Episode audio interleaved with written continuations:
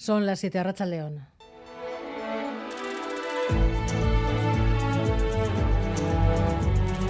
Gambara con Arancha García.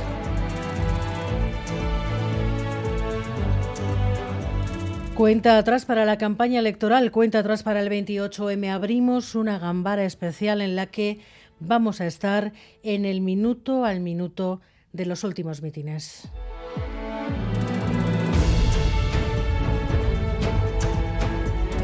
De aquí a las 9 de la noche tenemos ya al equipo de elecciones desplegado. El PNV cierra la campaña electoral en el Arenal de Bilbao, acto que arrancará en apenas una hora y donde estarán los principales candidatos gelzales, los tres candidatos a diputado general y los tres candidatos a las alcaldías de Bilbao, Donostia y Vitoria, todos juntos para realizar un último llamamiento a la movilización del voto. La abstención beneficia a EH Bildu, cree el PNV. El Boulevard Donostia es el lugar elegido por EH Bildu para cerrar estas dos semanas de campaña. En el acto que arrancará en hora y media escucharemos las intervenciones de dos de los candidatos con más opciones de imponerse en las urnas, Juan Carlos Izaguirre, que aspira a la alcaldía, y Mayalen Iriarte, candidata a diputada general de Guipúzcoa, pedirán a la ciudadanía un último esfuerzo para aglutinar el voto eficaz de izquierdas. El PSE cierra en Vitoria, último empujón a Maider Echevarría, que aspira a encabezar la lista más votada al ayuntamiento. Con ella intervienen esta tarde Cristina González, candidata a diputada general de Álava, y Eneco Andueza. En esta campaña, los socialistas se han reivindicado como la izquierda que sabe gestionar la garantía de políticas progresistas y principal alternativa al nacionalismo vasco. La coalición El Carrequín cierra campaña en Bilbao, donde ha reunido a una buena parte de sus principales candidatos y candidatas, entre ellas las tres mujeres que optan a las alcaldías de las capitales vascas. Durante toda la campaña han reivindicado la fuerza de lo público y denunciado que PNV y PSE ven oportunidades de negocio donde la coalición ve derechos sociales. Con ese doble mensaje, El Carrequín se afana en contradecir las encuestas. El Partido Popular cierra campaña en Gasteiz, en la Florida. Están convencidos de que el cambio es posible, de que tienen al alcance de la mano, decían ganar en Gasteiz para avanzar también en Araba y terminar con la mala gestión del PNV y PSE. Y para lograrlo han insistido una vez más en que son el voto útil. Han apelado a la ciudadanía a concentrar el voto en el Partido Popular. Y en Navarra, los últimos actos entre Iruña y Tudela, hoy en Arangoa. Arracha León en Tudela cierra la campaña UPN, donde aspira a mantener la alcaldía para Alejandro Toquero, tras la ruptura de la derecha en la capital Rivera, celebra también su mitin de cierre Contigo Navarra, con la mirada puesta en recuperar la alcaldía para la izquierda de la mano de Necolarrarte.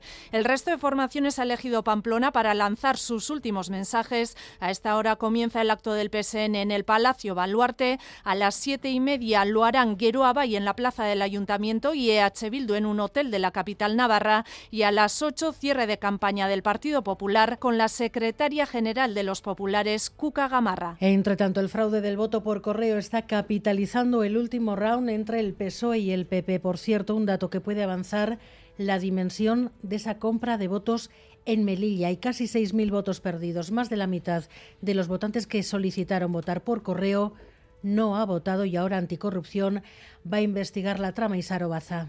Sí, la Fiscalía Anticorrupción ha asumido la investigación del caso de Melilla por su gravedad y trascendencia. Finalmente, casi el 50% de los votos por correo de la ciudad autónoma serán nulos. Cerca de 6.000 votos se quedarán sin efecto porque no se han presentado en ventanilla de correos, tal como advirtió la Junta Electoral melillense. Hasta ahora, la operación policial ha concluido con la detención de 10 personas acusadas de haber intentado captar votos. Pero mientras esperamos a los últimos mítines, en los colegios electorales ya se ha empezado a trabajar mesas, urnas, papeletas. Nos hemos ido al pueblo más pequeño de Vizcaya para ver cómo lo están preparando todo, qué previsión tienen para el domingo. 169 vecinos en Aracaldo. Gary Suárez, Arracha León.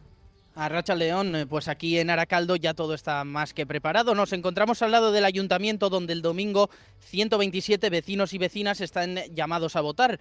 Un ayuntamiento que está cerrado porque, como decimos, ya lo han dejado todo bien dispuesto desde la mañana. En cuanto al ambiente, hay cierta expectación, sobre todo porque este año por primera vez una agrupación vecinal se presenta a las elecciones y más de uno además aprovechará este domingo para verse con gente con la que no suele estar.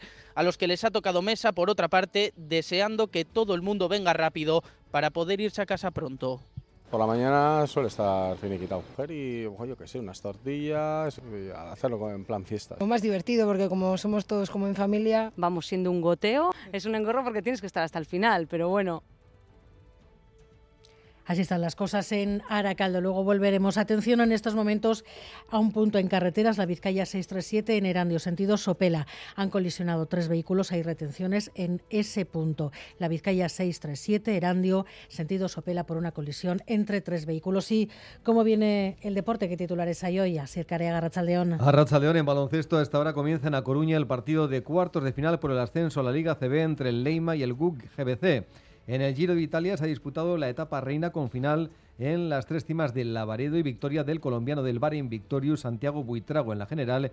Geraint Thomas se mantiene como líder, aunque Primos Roglic le ha recortado tres segundos. Además, Oyer Lazcano ha ganado en Francia. En pelota esta noche se juega el partido por el tercer y cuarto puesto del manomanista entre Darío y Ezcurdia. Y en fútbol, Vitoria y Amorebieta se preparan para el ascenso de sus equipos. El Deportivo Alavés necesita ganar mañana en Las Palmas para ascender a primera y al Amore, que juega en Lezama, le vale con el empate ante el descendido Bilbao Athletic para ser nuevo equipo de segunda división.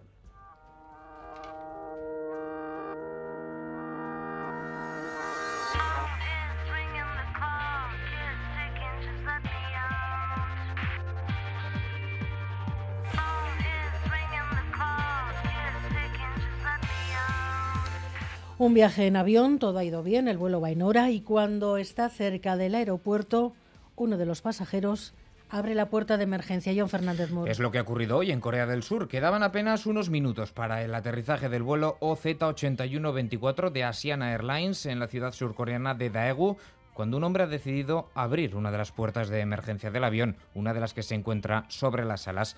La aeronave todavía se encontraba a 250 metros de altura.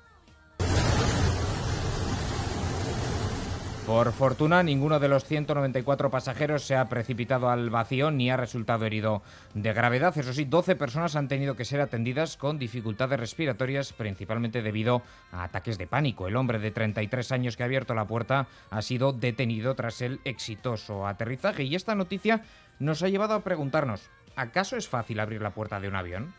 Abrir un avión en vuelo, la teoría es, imposible porque la puerta lo que hace es un efecto tapón.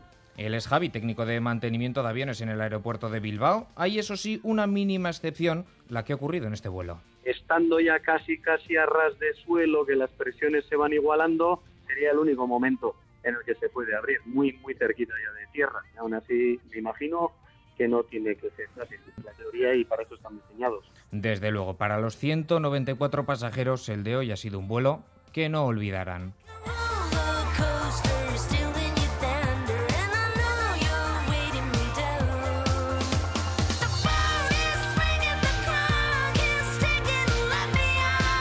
Miguel Ortiz y Alberto Zubeldia están en la dirección técnica, Cristina Vázquez en la producción.